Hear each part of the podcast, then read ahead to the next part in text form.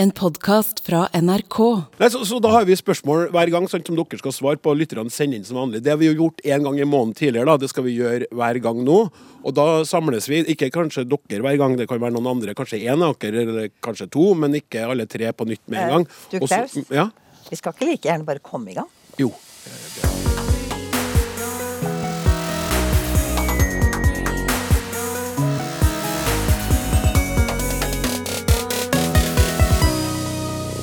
Jeg føler meg oppskjørta akkurat nå, men hvor kommer det uttrykket fra?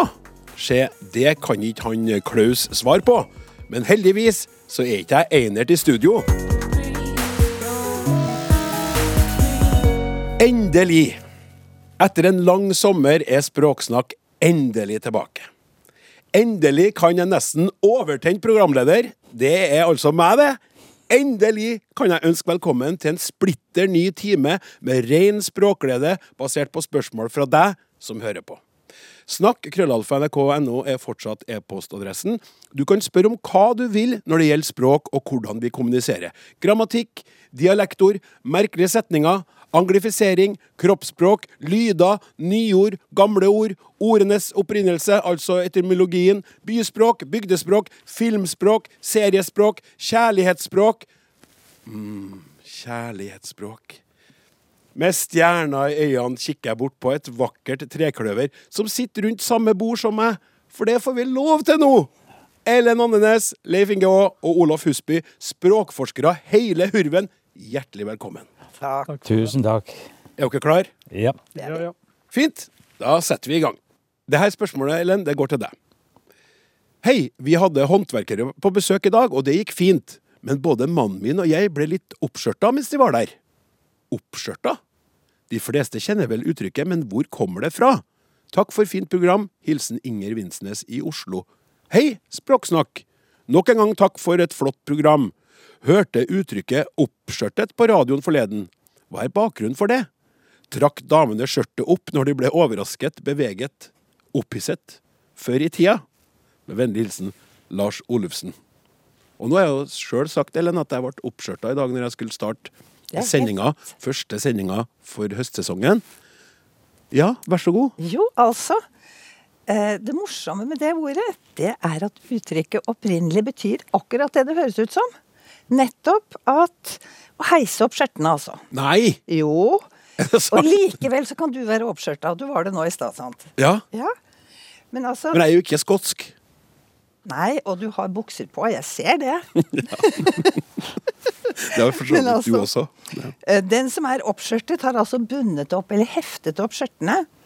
Og det hjelper veldig hvis vi tenker oss litt tilbake i tid og husker hvor omfangsrike, vide og lange skjørt kvinnfolka måtte ha på seg før.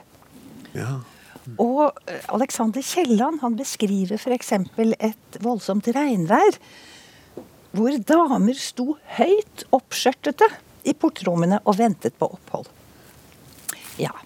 Altså, I en del sammenhenger så er det greit å ikke ha så forferdelig mye skjørt. da. Hagestell og båttur f.eks. Det var også anledninger som er nevnt i skjønnlitteraturen, hvor det var greit å så skjørte opp. ja. Og altså være oppskjørta. Så slipper man at skjørtene blir våte eller skitne. Og så gir det jo mye større bevegelsesfrihet, da. Og det var nyttig og nødvendig for arbeidet. Jonas Lie han skrev om et driftig kvinnfolk både brettet opp ermene og skjørtet opp. Ja. Ja. Men altså, selv om vi nå har både bukser og korte skjørt, noen av oss, eh, så kan vi likevel være oppskjørta. Ikke sant? For dette ordet brukes jo også i overført betydning. Nettopp om å være litt oppkava eller hektisk eller travel. Og altså Og, og gira. Ja, Ja. nettopp. F.eks. når man har håndverkere i huset. Som den eh, ene innsenderen her nevnte. Og det gjelder både menn og kvinner, og det er ikke nytt heller. Fordi Arne Garborg han skrev faktisk i 1888 at her om dagen nedkom min kone med en liten gutt. Jeg er i den anledning nokså oppskjørtet. Utrolig bra, bra måte. Da, I den sammenhengen ble det litt sånn under, under, undersalg av den store begivenheten. Nokså oppskjørtet. Ikke temmelig eller veldig, men nokså oppskjørtet. Ja, hvordan var det å få et nytt barn, da? Jo, jeg, jeg ble jo nokså oppskjørtet. Ja, ikke sant? Ja. Men, men da eh, Altså, da har det er ikke noe kontakt mellom det uttrykket da og den oppskjørtheten, eller kan det være det at Jo, jo, absolutt. ja, ja, absolutt fordi at det å skjørte seg opp, eller altså Ja, for da var det- oppskjørta, det viste jo at man da skulle noe. Ja. Mm. Man skulle gjøre noen ting. Og Ja. man, trengte, man trengte tid og rom og bevegelsesfrihet og skulle ikke bli møkkete. Det var mye å passe på. Ja. Så det kan bety at hvis vi aldri hadde hatt den perioden med lange skjørt, så ville ikke det uttrykket ha eksistert. Høyst sannsynlig. Det ville vært rart. Ja. Jeg ble ganske kortskjøttet. Ja, så artig. Det var en, det var en fin start, eh, Ellen. Takk skal du ha. Ja. Da tror jeg vi bare går videre til neste eh, spørsmål. Og ble nevnt av programleder. Det er meg, det. I starten av sendinga. Eh, vi skal innom Einert nå. Hei! Mannen min og jeg kom til å snakke om ordet einert. Jeg er fra Sunnmøre, han er fra Vestfold, og begge kjenner ordet og bruker det av og til. Men vi finner det ikke i bokmålsordboka, og heller ikke i nynorskordboka. Og når jeg sjekka i akade akademisk ordbok, sto det null treff. Kan Språksnakk forklare opphavet til ordet? Er det så sært at det ikke kan få plass i ordbøkene våre? Hilsen Ellen Grimstad Nilsen. Spennende, Leif Inge. Ja, det er jo det. Og jeg eh, Det er ikke så rart at hun ikke fant det, for det står jo ikke i nynorskboka bok, eller bokmålsboka dette ordet. Og det er jo lett å forstå hva det betyr, for så vidt. Vi skjønner jo at einert og ikke det snakk om veldig mange, så vi har ganske en sånn intuitiv Du, forståelse av har vi, sier du nå, jeg, måtte, jeg tok ikke det med en gang sånn som Nei, Einert, nei, ut ifra Når det kom bare sånn, for hun forklarte jo det ikke først. Nei, det stod... Så jeg måtte sende Ellen en e-post og spørre Unnskyld, Ellen, veldig hyggelig med det spørsmålet her, men hva betyr det der ordet? Nei, så det, det så En ting er jo når, når jeg ikke finner det eh, Det står jo ikke einert i noen ordbøker heller. sant? Så, men eh, hvis du ser litt i andre ordbøker, litt mer historiske ordbøker, da finner du det. Men ikke under det oppslaget, men med oppslaget 'Einard' med det til slutt. Og, og det oppslaget har bl.a. Aasen i sine ordbøker. Og eh, til det en lignende ordbok fra slutten av 1800-tallet av Hans Ross. Og det står òg i etymologiske ordbøker fra rundt 1900-tallet. Og det betyr altså, for jeg avbrøt deg, litt, og det beklager jeg, jeg er oppskjørta og gira i dag, så du rakk ikke å få sagt helt hva det betyr. Jeg, Nei, det, jeg, jeg antyder jo at det var noe enkeltvis. sant? Det er noe som eh, er oppgitt enkelt, og ikke i dobbelt eller i, i flertall, kan du si. det. ja, for du, Du kan ha en en dør, og ikke en dobbel dør. Og det, har snakk om enette murer, f.eks. At du murer opp enkeltmur. kan det være, for Ellen svarte tilbake et eksempel. Han åt kjøttkakene Einert. Ja, det, er- Altså- det, det er litt sånn som ungene eter. sant? De, ungene vil jo aldri blande maten, de vil, de vil se hva de eter. Så de, de, de tar ikke, blander ikke spagetti med kjøttsaus, men eter spagettien einert. Da har de full kontroll. Ja, nettopp. nettopp. Så det, det, det er jo helt vanlig at du eter noe einert. da. Men ehm, jeg, jeg har heller ikke det ordet i mitt aktive vokabular, så jeg måtte jo sånn sjekke det.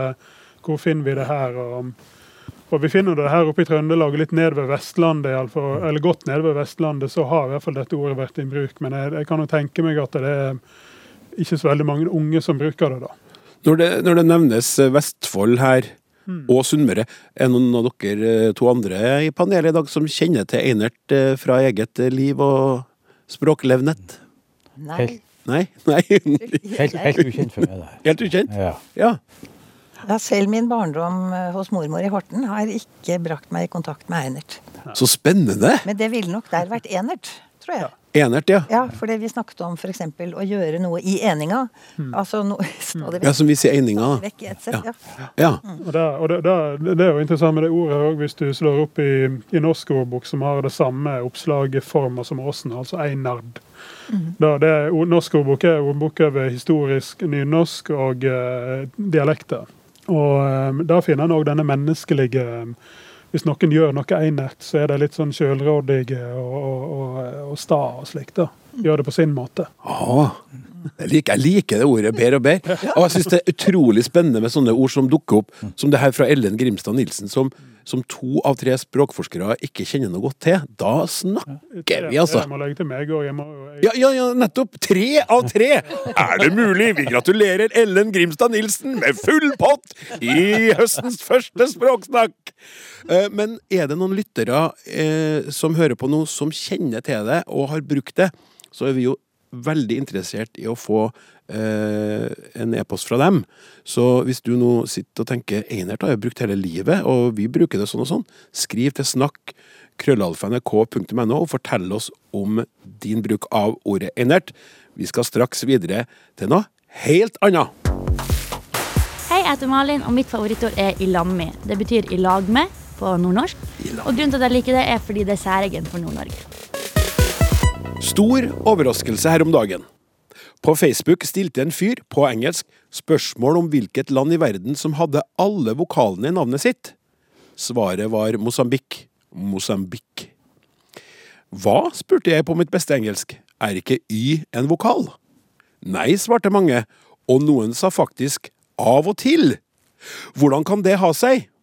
Jeg fant frem eh, Cambridge Dictionary sin definisjon, og så står det 'speech and produce bla, bla, bla. Jeg orker ikke å lese det opp, for at det her, Olaf, skal du få lov til å ta etterpå sjøl. Dette skulle vel dekke Y-en også på engelsk, altså ikke sant, han skjønner ikke det her, han Tormod Eikhild fra Stavanger. Olaf, det her er jo ditt domene. Vi har jo snakka om Y-en tidligere. Ja, altså han, Det er jo en interessant eh, observasjon han har gjort, han, han Tormod. For den berører jo både skriftspråk og, og eh, talespråk. Og den, den eh, definisjonen som han refererer til, den brukte jo vi i fonetikkskolen. At en vokal en lyd som går ut langs midtlinja av tunga uten å møte lokal motstand som skaper friksjon. ikke sant? Og det er jo Y. Det var så bra når du sa Det var akkurat det som sto på, på engelsk. ja, ja, så jeg, ta, ta, ta det en gang til, så fin Ja, men litt, ro, litt roligere. En En, en språklyd som går ut gjennom munnhula langs midtlinja av tunga uten å møte lokal motstand som skaper friksjon. Lokal motstand som skaper friksjon, det høres akkurat ut som sånn når politikere skal sette i gang ting. Eller sånn. Men så her har vi snakket om muren. Y Ja, Den bare går rett ut. den går rett ut. Ja. Og eh, jeg tror kanskje han Tormod hadde hørt på fonetikkskolen siden han på en måte fanga opp den her definisjonen og, og, og, og bruker den i spørsmålet sitt. Eh, Men hvis vi kikker litt nærmere på Y-en, altså det er klart, det, og som jeg sa, det er viktig å skille mellom tale og skrift. På grunn av at eh, Hvis vi tar alfabetet og sorterer bokstavene, så er det klart at Y-en havner i gruppa vokaler. Eh, og Derfor er det kanskje noen som har sagt uh, uh, ja, den er vokal. Men hvis vi går over til talespråket, så ser vi jo at den Y-en som er skreven, y, den re realiseres på ulike måter når vi snakker. Noen ganger så er den en Y, som i by, sy. Men hvis vi tar et, et veldig frekvent ord som nå er på vei inn i norsk, et ord som yes, for ja, så skrives jo det med Y først. Sant? Og den Y-en da kommer jo ut som en J-lyd. Og da snakker vi om en konsonant. Det er det vi gjør, vet du. Ja. Så nå- det er jo ingen Jeg har aldri hørt noen som har sagt y, y, y, Yes. YS. Nei. nei. Yes, very much. Ja. vi ser jo det òg når folk nå begynner å, norske folk altså begynner å skrive yes, så Ja. skriver de det veldig ofte Ja, J-E-S-S. ja, Mm. Så der har vi jo konsonanten på, på, på plass. Så reglene som, som styrer det her, de er jo på en måte ifra språk til språk. Så du kan si at i et, i et norsk som er upåvirka av andre språk, så vil y-en være en vokal. Men, eh, men eh, hvis at eh, vi har et låneord som yard, yacht osv., så, videre, så begynner vi å skrive en y. ikke sant? Og vi vil jo ikke uttale med y, vi vil uttale med j, altså Nei. en konsonant. Eh, og, men så ser vi jo noen ganger at uh, For en lenge siden var det en TV-serie som heter The Young Ones. Ja. Og Den humorserien? Jeg har, aldri, jeg har ikke Nei, sett det, men det, det var en ja. Okay. Og grunnen til at jeg bet meg merke i det, var at noen kalte den serien for The Young Ones. Mm. Og hvorfor gjorde de det? Jo, for de vet jo at bokstaven eh, J på engelsk uttales J, ikke sant? Og, og så henta de det inn. ikke sant? Så vet man OK på Altså, de, de tok Y-en over til J, ja, og, så vet, tok de engelsk uttale av J. ja, og så blir Young til Jung. jung. Ja. Så i stand, og eh, kanskje blir you til ju og yes til jazz, da. Men det er jo sånne, Da er det langt fra jazz til jazz. så det er jo sånne hyperkorreksjoner. At man gjør slutninger som, som blir eh, gæren. Og det her Noen ganger så påvirker jo sånn språket i det, i det lange løp, så du kan faktisk få betydelige endringer i, i, i, i språk. da. Eh, på engelsk uttales jo y-en da Du har jo sagt uh, at, den er, at den er en vokal òg i engelsk, og det, men den uttales jo ikke y på engelsk. Den uttales jo i. Du sier jo ikke any, men any. any ja. 20 osv. Ja. Ikke sant? Sånn at eh, engelsk har beholdt bokstaven y, men de har mista uttalen y. Og det kommer jo Det er jo et språkhistorisk fenomen. Vi ser jo på de andre reglene òg i engelsk. ikke sant? Man snakker ikke om an yard, eksempel. Eller nei. the yard, som man ellers gjør hvis ord starter på vokal. Nei, nei. Så man behandler det som, eh, man behandler det som en eh, konsonant, da. Ja. ja. Så det er, en, det er en konsonant forkledd som en vokal? Da. Ja, altså, ja, altså, den var en vokal i engelsk, og så gjennom i løpet av den utviklinga av engelsk språk, så mista man den lyden der. Den tilhørte gammelengelsk. Moderne engelsk er den borte. Men så har man ikke korrigert rettskrivninga for det. Og det, vi, det ser vi jo i norsk òg. Vi, vi skriver jo HJ, HV, ikke sant. Det er jo ingen som uttaler den H-en, eller en G på slutten av ord som i billig, nylig. Sånn at skriftspråket er jo så konservativt og, og blir hengende igjen. da. Så gjorde jeg en liten kikk. Hvor mange altså Den Y-en er de aller fleste eh, skriftspråk som bygger på det latinske alfabet. Det er hundrevis av språk. Hvor mange språk har den språklyden Y? Antagelig bare 15 språk. Ja. Ja. Sånn at de har på en måte arva en, en, en gammeldags skrivemåte og tatt den inn da, i, i, sitt, eh, i sine skriftspråk. Da. Hvordan skal man hvordan refererer engelskmenn til Y? For de sier jo ikke Y. De sier jo heller why? ikke, de sier jo heller ikke I. Why? Why? Why? Why? I don't know why. ja, ja. Så, da, så de har et navn på den lyden og den bokstaven. Ikke sant? Hvis du spør hvordan, hvordan staver du for eksempel ordet yes, ja, y, e, s. Og da hører man jo hvor langt engelsk har beveget seg fra et, et mer lydnært skriftspråk og fram til, til eh, dagens eh, engelsk. På, på eh, ja, spansk og italiensk og fransk så har de bruker de noe i grega eller i grek, gresk y. For opphavet til den tegnet er i gresk. Det er en ypsilon. Så, det er den, så når man da ikke har y og skal si lyden, så må man altså, en italiener si det er en gresk y. Ok. En gresk i, ikke sant? Og da skriver de y og ikke i. Men nå må du snart stoppe, for det hele blir gresk for meg. Skulle jeg til å si. Bra. Så Y-en er en spennende. Den kunne nesten fått ei bok, den òg, Olaf. Ja, jeg har ennå noen avsnitt til Parker, men vi skal ta det senere. Ja, det skal vi ta senere. Kan vi kose oss med senere. For du kommer jo tilbake litt senere i sendinga som eh, eh, foreleser på Fonetikkskolens eh, høstsemesters første leksjon. Mm. så nå må vi bare gå litt videre i programmet over til noe helt annet. Det er jo det som er noe av det artigste med Språksnakk og lytterne sine spørsmål. For de går jo fra denne den her overraskende Y-en til noen som står og vasker vindu, og kjenner på noe i seg sjøl knytta til savn og identitet. Hei, Språksnakk. Jeg står og koser meg med dere på øret mens jeg vasker vinduer. Jeg har lenge fundert på hva man er når man, når man blir etterlatt etter et samboerskap. Jeg mistet min kjære etter to år som samboende. Jeg føler meg på mange måter som enke, men jeg vet ikke om jeg da påberoper meg at vi var gift. Jeg synes det er en litt vanskelig balansegang. Jeg er gift i ettertid, men det er jo en del av min historie. Jeg har nære bånd til hans familie. Hva kaller man hans familie? Er de min eksfamilie? Det føles også feil. Jeg er jo ikke skilt. Vi har famlet litt med ordene når vi skal sette ø, ord på våre relasjoner. Kan tenke meg mange opplever det samme. Med vennlig hilsen fru Fredriksen. Det, det er en fin betraktning. Litt sånn sår. Eh, Ellen, hva tenker du? Ja, altså, dette er et helt nydelig spørsmål, syns jeg. Og spør du meg, og det gjør du faktisk, Det gjør jeg. så vil jeg si at på dette punktet så er språket hullete. Og trenger å bli stoppet eller lappet. Uh, og det er ikke så rart altså at noen syns Jeg har spurt litt rundt omkring når jeg har vært sammen med folk, hvordan de reagerer. Og noen mener at ja, nei, enke, da må man liksom ha vært gift. Mens andre sier hæ? Det er da helt uvesentlig. Um, men altså, ekteskapet var jo så lenge enerådende. Eh, Men det er ikke sånn lenger nå. ikke sant? Og det ser vi jo også generelt når det gjelder norske slektskapsord, at de blir vagere og mer generaliserte. Vi har ikke det samme rike antallet som vi hadde før. Men altså, jeg er helt enig med fru Fredriksen. Det er mange mennesker som blir berørt av de spørsmålene hun stiller. Og at vi da trenger noen gode ord for å bruke eh, om de relasjonene vi snakker om. Jeg føler meg på mange måter som enke, skriver fru Fredriksen. Og ikke sant, enke er et etablert begrep. Vi har noen assosiasjoner, vi forstår noe om det. Det er å miste livspartneren sin, og sånn.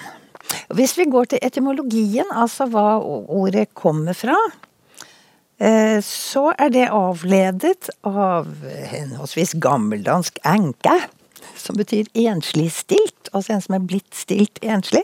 mm. Og norrønt einka, som særlig, eller den eneste. Altså den eneste som er igjen av paret. Så ordet i seg selv betyr bare at enka er blitt ø, enke. Eh, Men så er det jo det at vi blander inn jussen. Vi kan titte på den nå. Og der har ordene enke og enkemann vært eller betegnet en status med en del rettigheter som er regulert av lovverket, da, f.eks. når det gjelder arv og trygd. Ja, Det har sikkert en viss betydning for hvordan vi oppfatter ordet sånn i sin helhet. da. Ja, det gjør sikkert det. Men nå brukes ikke det lenger. Ah. De nye lovene så bruker man isteden det kjønnsnøytrale etterlatt. Og etterlatt eh, er da definert som en som tilhører en avdøds nærmeste familie, eller på annen måte står denne nær i allmennspråket. Og det kjennes kanskje litt rart å si nei, så ble jeg gjenlevende. Ja. Eller jeg ble etterlatt, og det lyder litt sånn jeg ble forlatt. Ikke sant? Det blir Ja. Det kjennes kanskje rart. Det kan være fordi det er uvant. Og en ganske vanlig måte å lappe språkhull på, det er jo rett og slett å ta i bruk ord som egner seg. Og når mange nok gjør det, så blir det det det heter på norsk. Og kanskje blir det sånn med etterlatt, og kanskje ikke. ja. Eh, Det er vel så sannsynlig, tenker jeg, at ordet enke, og for så vidt også enkemann, får utvidet bruksområde. Sånn at alle etterlatte kvinner, eller gjenlevende kvinner, blir kalt eller kaller seg enke. For meg personlig så virker det mest naturlig. Altså jeg, jeg er opptatt av opplevelsen og erfaringen til de menneskene det gjelder. Eh, når de mister en livspartner, og ikke av hva slags formelle avtaler dette paret hadde. Men eh, ja, altså, jeg er jo ikke Gud, så jeg kan ikke bestemme dette. Nei. Eh, Men jeg sender det jo gjerne ut i eteren, da. Eh, Snakk om det, diskuter det, og send inn! Send gjerne inn til snakk.krøllalfa krøllalfa.nrk.no. Det her er interessant, og det er også sånn på et vis et litt gammeldags uttrykk, da, men som fortsatt fungerer godt, og som man forstår. Så ja, jeg lurer også på hva, hva øh, Så etterlatt, som du sier, etterlatt. Der satt jeg da, etterlatt. Ja. Å, dro den fra deg, ja, men for alltid. Ja. Ja. ja. For enke forklarer veldig kjapt situasjonen. Fordi vi er vant til det. sant? Ja. Men så spør jo innsenderen om mer. Hun spør også hva med familien til den man er etterlatt etter? Er de liksom eksfamilie? Um, og altså uh, Min eksmann, altså min, Ellens eksmann, det er han jeg er skilt fra. Men fru Fredriksen var jo ikke skilt. Hun ble etterlatt, eller enke. Og dette tar oss jo fort over på hva kaller man familien til samboere som er i levende live? Hva gjør vi det? Vi har ikke noen faste regler for det. Jeg for min del gjør det veldig enkelt. Jeg snakker om svigerfamilie, enten folk er gift eller ikke. Og jeg er ikke alltid helt sikker på Eller altså, jeg tenker ikke så mye på er de gift, egentlig. Så samboerne til barna mine kaller jeg for svigerdatter og svigersønn. Og det faller meg veldig naturlig. Og da er det jo det Det er ikke de juridiske båndene, men de følelsesmessige. Og dessuten, språklig, så er det mer praktisk å si svigerfamilien til dattera mi. Heller enn familien til samboeren til dattera mi. Ja. Det blir liksom litt kluntete. Men Ellen, jeg tenker jo det der, da. For du sier min eksmann, men jeg må jo si mine ekser i flertall. Ja. Og jeg har jo sånn, sånn rekke med svigermødre, for eksempel, som jeg har fått kontakt med. Da er det litt sånn, skal jeg si svigermor 1, 2 og 3? Høres jo rangerende ut. Skal jeg si altså den første eks-svigermora mi, og den andre, og da familier, for da er det flere familier. For eksempel i høst skal jeg være toastmaster i bryllupet til ekssvogeren min. Fra mitt eneste men, ekteskap, men også den første som jeg også, da, da, folk, bare, folk går jo før jeg er ferdig med å forklare, de blir jo lei. Det er sånn Ja. Du driver og skiller deg, men svigermødrene blir du ikke kvitt. Nei, det er ikke det. De liker meg så godt, skjønner du. Ja, det, det, det. Ja, det, det, det, det, det også. Ja, Så det er altså, jeg noe kranglete. sluttet aldri å kalle min svigermor for svigermor. Og Nei. det er en helt Eller det var i hvert fall en helt unik relasjon, ikke sant? Ja, men tenker jo at da er det greit, er det da greit eh, Kanskje nå koker det i hodet på lytteren, men så jeg bare sier svigermor, svigermor og svigermor, da. Du kan jo kanskje legge på med svigermor og så navn, da. Det går Det går jo an, Ja. ikke sant? Det er sant. Svigermor Anne, svigermor sånn, svigermor sånn. Ja, ja. Det går jo fint. ja da. Sånn som vi gjør med tanter. Ja. Jeg likte det med nummer, jeg. altså. Du, du likte det med nummeret, ja. Ja. ja. Men ja, det er, det er ikke noe lett. Nei, det er ikke det. Så eh, jeg syns at dette må være et fett felt å sende våre lyttere ut på jakt i både tanker og praksiser. Ja, enig. Eh, Takk skal du ha, Ellen. Eh, eh, Snakk krøllalfa nrk.no er e-postadressen. Språksnakk med Klaus Sonstad. Ja, nå skal vi, nå skal vi være litt sånn eh, oppdatert og frampå her i, i Språksnakk. Vi skal spille av et lite klipp fra et ekstremt populært eh, norsk eh, band, eller en duo egentlig, som jobber med mange andre. De har nettopp hatt eh, ti konserter i Oslo Spektrum og spilt for 110 000 mennesker. Helt utrolig. Men det er ikke poenget her. Det er en lite utdrag fra en av låtene deres. Hør på her. Med benplass, med benplass. Sagt nei til hver gang vi møtes mer enn én gang. Den gang da, hver gang når. Jeg pugga disse reglene, og penga begynte å komme, boy. Jeg pugga disse reglene. Den gang da, hver gang når. Fått en e-post fra Odd Steinar Arntzen som er fin. I Brønnøysund, der jeg bor, skilles det ikke lenger verken i tale eller skrift på bruken av da og når. Jeg tror feilen eh, i gåseøyne er mest utbredt blant dem under 40, ungdommen. Jeg opplever at dette er blitt en så vanlig feil at det tyder på en varig endring av språket. Er dette noe som er så ubetydelig at vi bare skal la det skje, eller bør vi kjempe imot med kunnskap og røde streker? Og det er så bra spurt, Odd Steinar. Og jeg frykter jo hva språkforskerens svar vil bli, men eh, jeg lar være å si noe om det. Jeg sier bare Leif Inge, vær så god. Jo, ehm, det er jo interessant dette, for denne da-når-regelen som vi kjenner den som, som, som, som det òg ble eh, eh, Den ble jo faktisk sagt her i sangen, altså den gang da, hver gang når. Eh, Ifølge regelen så skal en da uttrykke enkelthendinger i fortid med da, men hvis det skjer flere ganger med når. sant? Og det er sånn at det er en forskjell på da jeg kom hjem, sto middagen på bordet, eller når jeg kom hjem, sto middagen på bordet. Da gjorde den hver gang. sant? Så det, det er liksom den en vil at en skal opprettholde. Og denne regelen den sitter så sterkt innprenta i folk. Så sterk, han er, han er, jeg vil nesten si at han er institu, institusjonalisert i, eh, i det norske skolevesenet. Og, og det tyder jo på at han er tatt opp i eh, i eh, norsk populærkultur på den måten som dere visste med den Karpesangen? Ja, med Karpesangen, ja. Og mm, jeg har jo sjøl òg studenter, lærerstudenter, og, og hvis jeg har en tidlig time med dem på, tidlig på studiet, så spør jeg dem gjerne hva, hva husker dere av grammatikkundervisninga fra, fra skoletida. Da kommer da nå-regelen. Det er den de husker. Det er ikke engang grammatikk, men det er det de husker. Og det, og, og, så det, den sitter djupt i folk. Og vi har en klar oppfatning om at den skal opprettholdes, og den er viktig. Hvorfor er den viktig? Han er viktig fordi jeg husker han. Mm. Og så er spørsmålet om men er han viktig? Og eh, burde vi kanskje brukt tida vår på noe annet?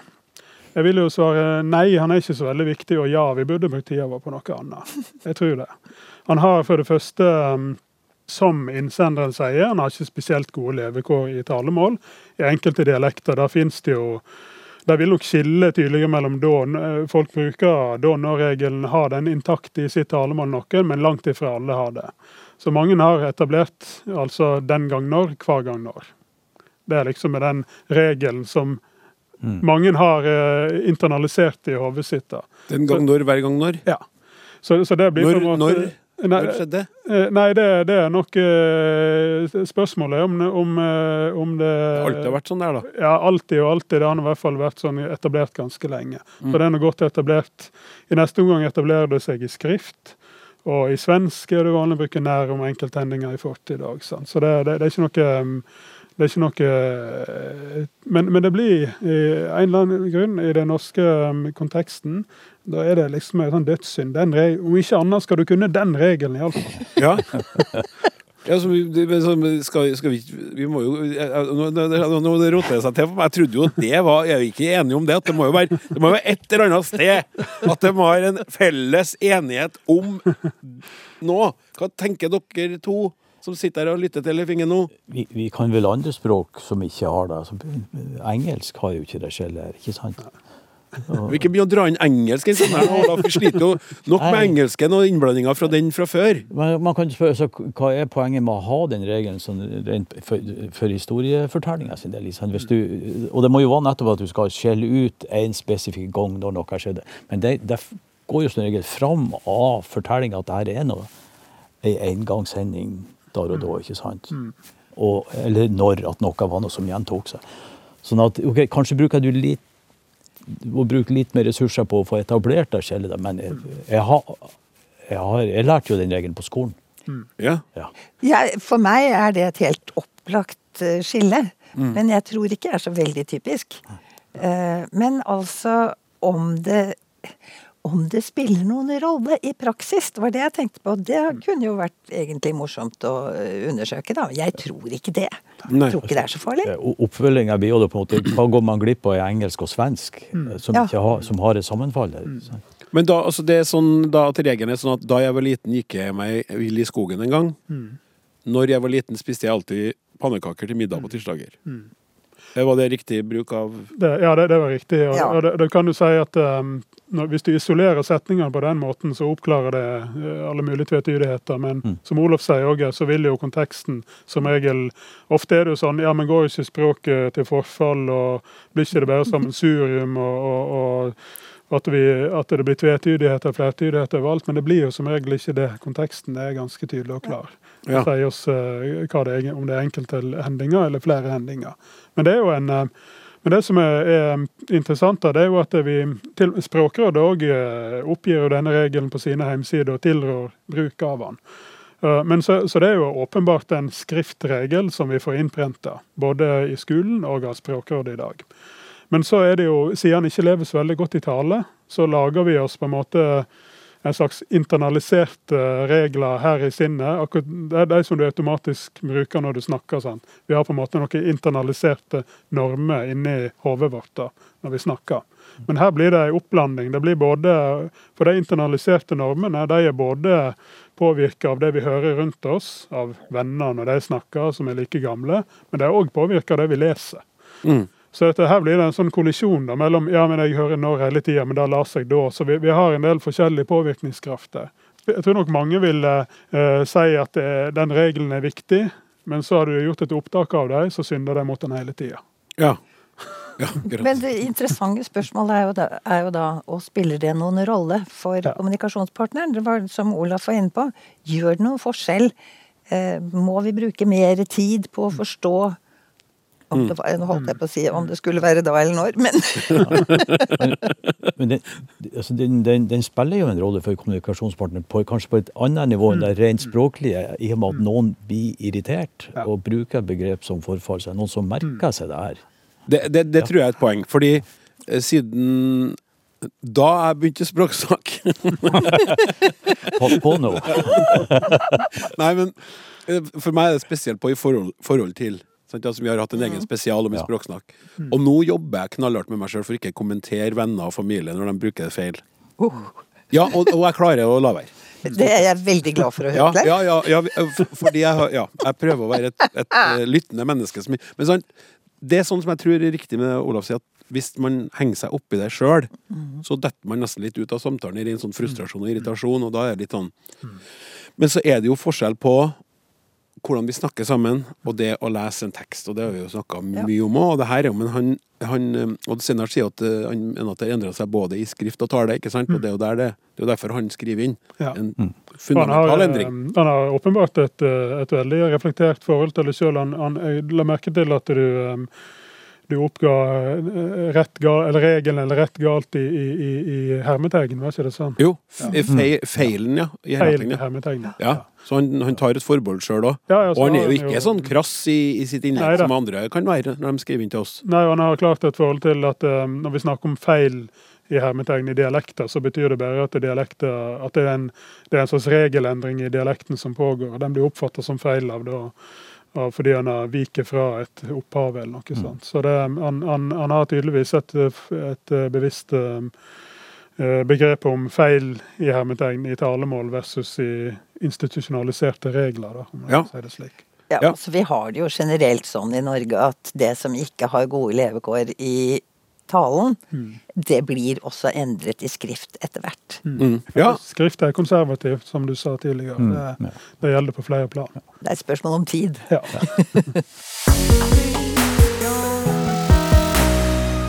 Nå eh, skal vi over til noe helt annet igjen, for det er jo sånn vi holder på. Og her prøver jeg å lage en liten sånn overgang til det vi skal over til nå, da. Fått inn en fin e-post fra Britt Dokken eh, til snakkekrøllalfa.nrk.no. Hei dere i Språksnakk. Angående været, i betydning luften, så er jo snappe etter været et vanlig uttrykk. Og det er da på engelsk, hun legger jo en sånn link til det, gasp for breath. Dette benyttes til dags dato, mener jeg, så sammenhengen vær-luft er nok for mange av oss godt kjent. Det er et innspill her, det er ikke noe spørsmål. Nå må ikke dere sitte og lure, for at eh, dere har ikke fått det her til besvarelse. Takk for et fint program, alltid med en undertone av glimt i øyet og humor. Må tillate meg å si, dog i parentes, at en stadig opplever det motsatte i språkspalten i sosiale medier, hvor fagperson, fagpersoner ofte tar en nedlatende og eller moralistisk tone. Poenget her var i tillegg til å få, litt, eh, få lest opp litt skryt av språksnakk, da, at hun nevner luft, og luft er veldig viktig i den sammenhengen. Det vi skal over til nå, for nå er det klart for Apa, Apa, ata, ata, atja, aka, aka. fo, fo, fonetikkskolen.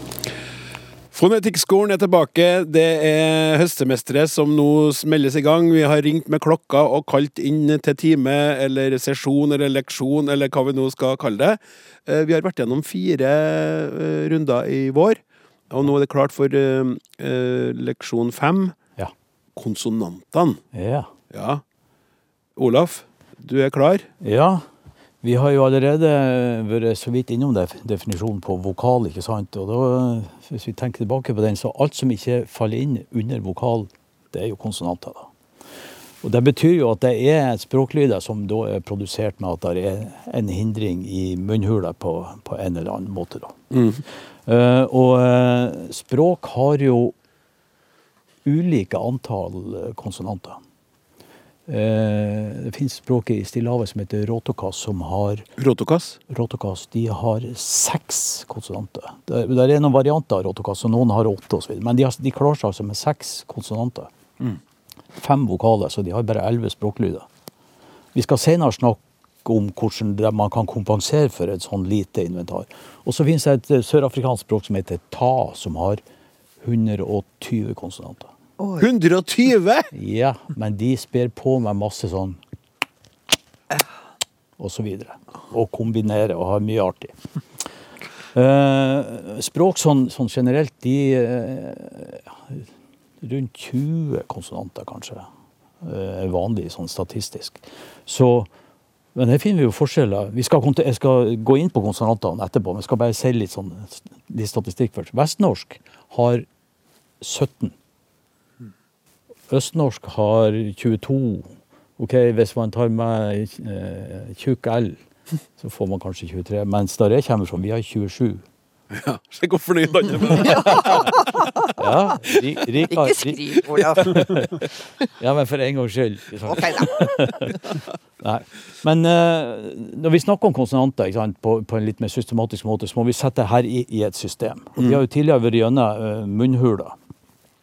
Og da eh, Det er jo vanlig å beskrive munnhuler. altså Vi går under leppen, vi lager språklyder med, med leppa mot tenner, med tunga mot tennene. Så har vi området bak eh, tennene, og så har vi den harde ganen, blaute gan, drøvelen, svelget. Så på alle de her ulike områdene så kan man da lage ulike former for hindringer. Som da skaper konstanter. Så den, den sterkeste formen for hindring det er å lage et komplett lukke. ikke sant? Så Hvis vi lukker begge leppene, så blir det jo eller på, På. Mm, eller bå. Bå. Og hvis jeg da lager lukke bak tennene, så får jeg tå. Tå. Ja. Og så en lyd som vi har i norsk, men som ikke opptrer først i, i uh, ord, og det er den der som i ert. Ja. Vi har ikke noe sånn tå. Einert. Einert. Einert. Ja, ja. For da krøller du liksom tunga opp og litt bakover, bak den kulen du kjenner bak tennene. Ja. Ert. Ikke sant? Ert. Og så har vi en K, da. K. Ja. Men den er, med åp den er litt sånn halvåpen Ja, nei, stemning da har du tungespissen antagelig bak tennene nede, og så løfter du baktunga opp imot den bløte ganen, og så stenger du der. Ja. Og så har du stengt drøvelen òg, sånn at eh, det kommer ikke noe luft ut av, av, av nesen. da. Løfte baktunga mot den bløte ganen. Helt uten å tenke. Helt Ja. uten å tenke. Det er det som er jeg drev også, Når jeg var den eneste studenten i salen i, Ja. i vårsemesteret og prøver alt, og det- alt du sier, kjenner man at man gjør, og ikke tenker på det hele tatt, som du sier, Ellen. Det er så fascinerende. Det er det fantastisk. For det er avansert i luks. Ja, altså i, Jeg sa vel i vår at i veldig rask tale så kan du produsere 20 lyder i sekundet. Ja. Og det er masse som kan koordineres. De lydene vi nevnte nå, jo stort sett, var jo stort sett ustemt. Men vi kan jo ha stemme på de òg, så vi får då og gå, ikke sant? Og ferd. Ferdig, ikke sant? Ja. Eh, Så kan vi- holde munnen lukka, så kan vi, eh, kan vi åpne ganeseilet. Altså bløte ganen. Kan vi slappe av så vi kan puste gjennom nesen? Ikke sant? Og hvis jeg da setter på stemme, når jeg puster mm, Mm. Og da er vi kanskje at vi berører verdens eldste ord. Oh. Det er sant. Ja, hvis at du tenker deg en unge som, som eh, eh, puster gjennom nesen, ikke sant? Ligger ved brøstet. Skal til brøstet. Og så sett på stemme. Da får du noe sånn uh, Hvis jeg nå gjør sånn, det her er brøstet, håndflata i brøstet gjør sånn Mamma. Plutselig så har du et ord. Tuller du med meg? Nei. Eh, Vi har jo ikke noe bokført når det her skjedde første gang, men jeg, jeg syns det er en veldig god Ja, hypotese. det er en kjempefin hypotese. Ja, hvis du Men bare- da er jo egentlig ikke mamma sjølve mammaen, det er puppen som egentlig heter mamma, da. Ja, hva den heter på latin? Ja, den heter det på latin. Hæ? Mammai. Er det sant? Ja. Hør hvor uvitende jeg er. Så uvitende at jeg framstår som klok og dum på samme tid. Når jeg sier det her. Er det sant? Er det Nå, sant? nå, nå hadde jeg ganen nede, ikke Mamma. sant? Mamma. Hvis jeg, hvis jeg løfter noe seiler, hva det blir da? Pappa.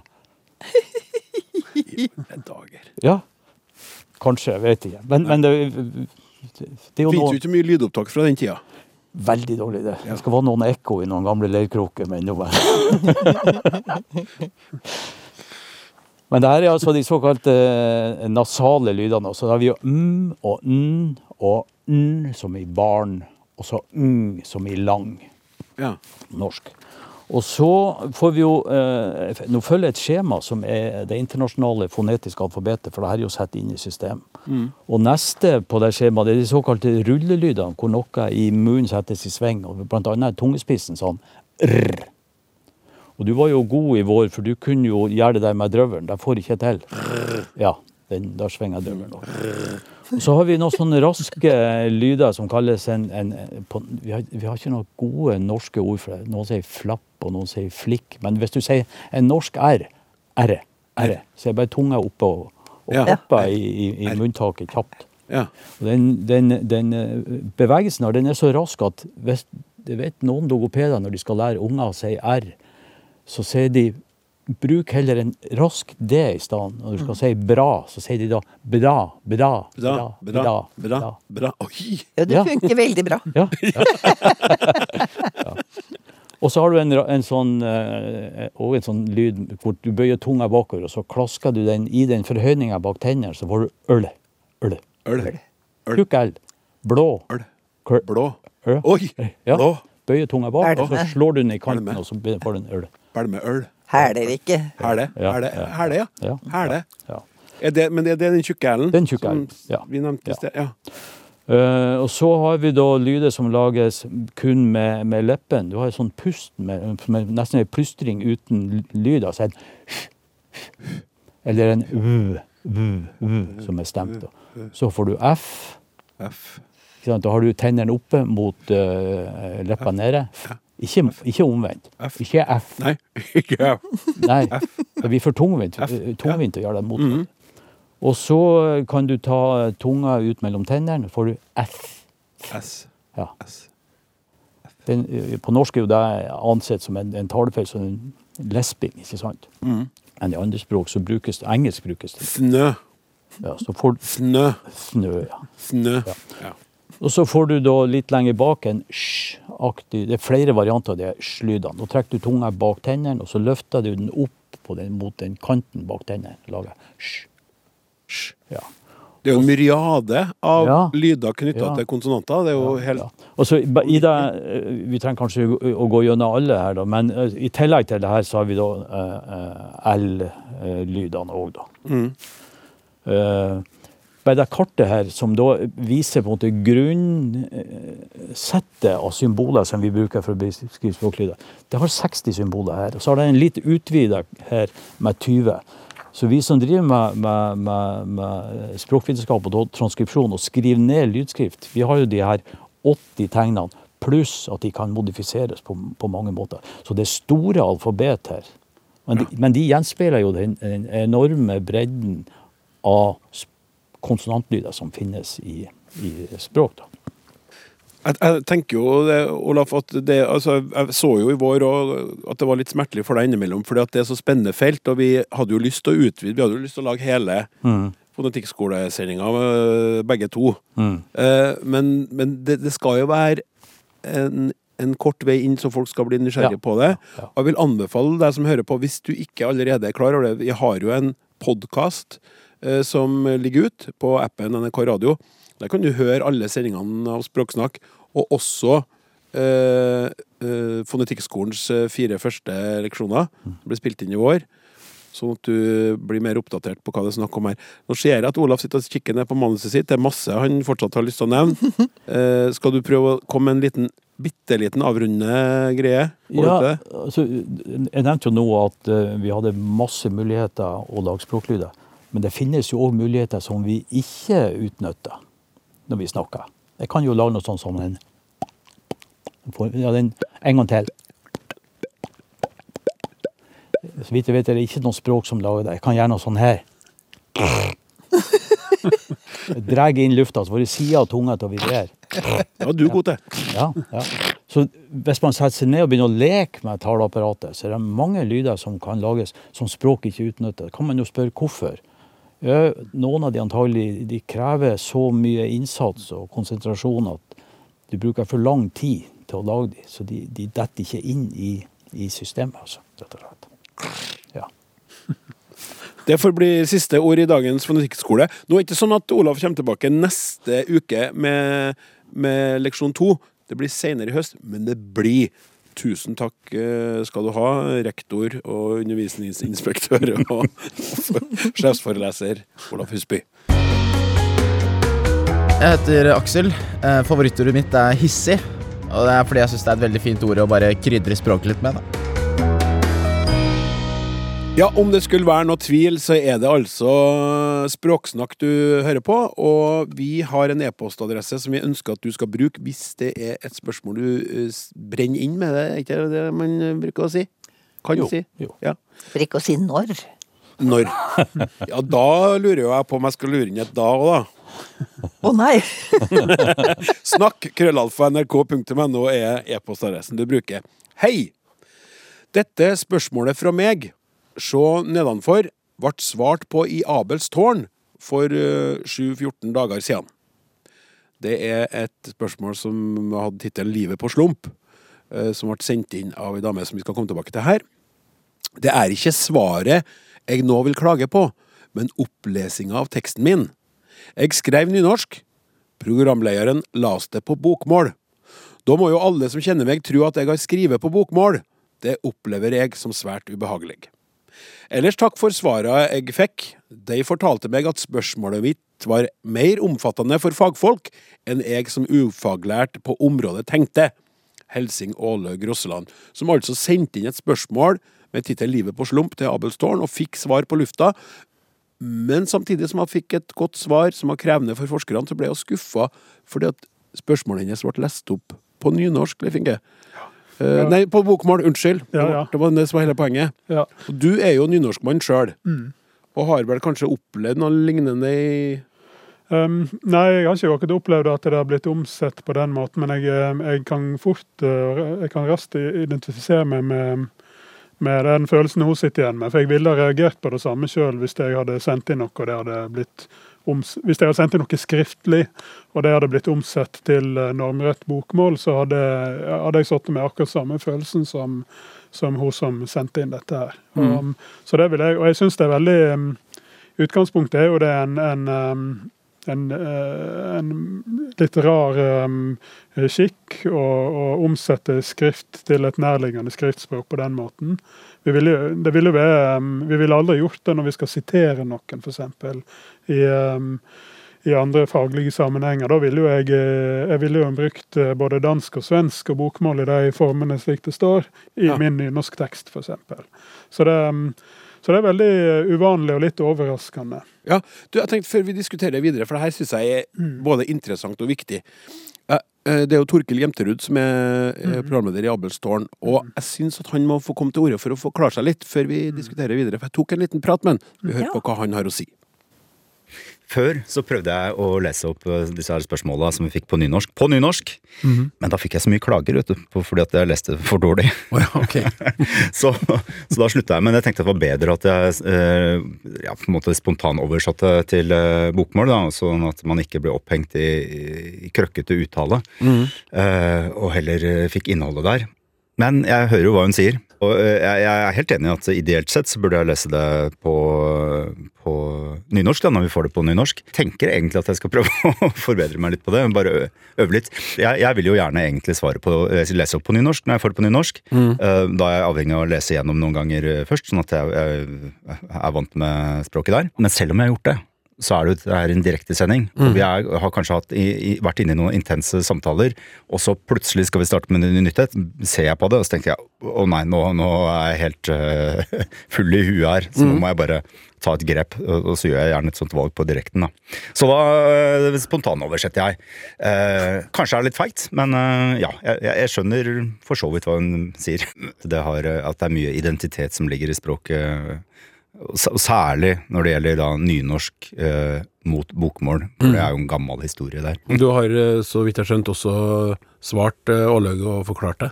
Ja, jeg, har, jeg gjorde det. Forklarte akkurat hva det var. At, eh, og da sa jeg også at jeg skal prøve å skjerpe meg. Ja, du må Freistad skjerpe deg, Ja. eh, Torkil. Takk skal du ha for praten, og lykke til videre med Abels tårn. Koser meg med å høre på. Ja, det gjør jeg. Koser meg med å høre på. Anbefaler alle. Det er veldig mange som hører på Abels tårn. Så, men det, om du ikke har hørt det, så sjekk eh, ut det programmet. Eh, sånt slags søsterprogram eh, inspirert av Abels tårn. Vi har jo Babels tårn her, da, på et vis. Eh, men her sier han jo, Leif Inge, at han får tilbakemeldinger, negative tilbakemeldinger på eh, nynorsken sin, når han leser opp nynorsk, og det har gjort han såpass usikker at han lar det være. Ja, nei, Det var veldig fin eh, oppklaring få det her. for det, um, Dette her er også- litt sånn typisk at um, for Istedenfor å umiddelbart så ville jeg jo sende kaktusen til redaksjonen, her, men nå har jeg heller lyst til å sende den ut til nynorskpolitiet. Fordi at um, det er dessverre sånn at, eh, og det gjelder ikke bare nynorskbrukere, jeg tror det òg gjelder en del i skolen, at en han blir veldig opphengt i rett gale når en snakker om nynorsk, mindre når, når en skal mm, skrive bokmål. altså. Mhm. Så i nynorsk tekster så blir ja, men det heter ikke det på nynorsk, og du må skrive ordentlig nynorsk og, og så det, så det blir ingen rom for å prøve ut. Ingen rom for å, for å prøve seg fram og feile litt. Og så, så jeg tenker jo av og til at eh, får jeg en nynorsktekst som er, er full av dialektinnslag, f.eks., så tenker jeg ja ja, men da har denne her skjønt noe av Åsen sitt prosjekt.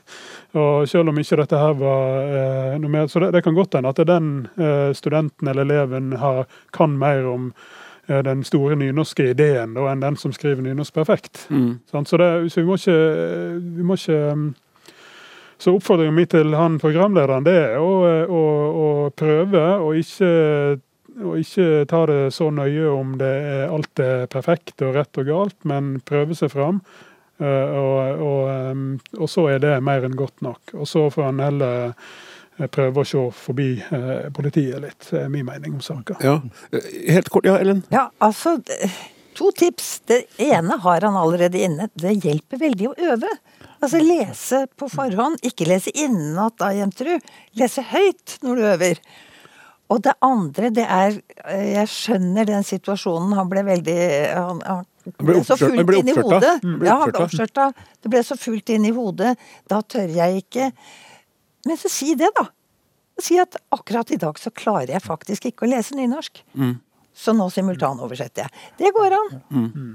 Uten at det tar noe fra innsenderen. Mm. For da har du forklart hvorfor du ikke gjør det der og da. Ja, og du, ja ikke sant?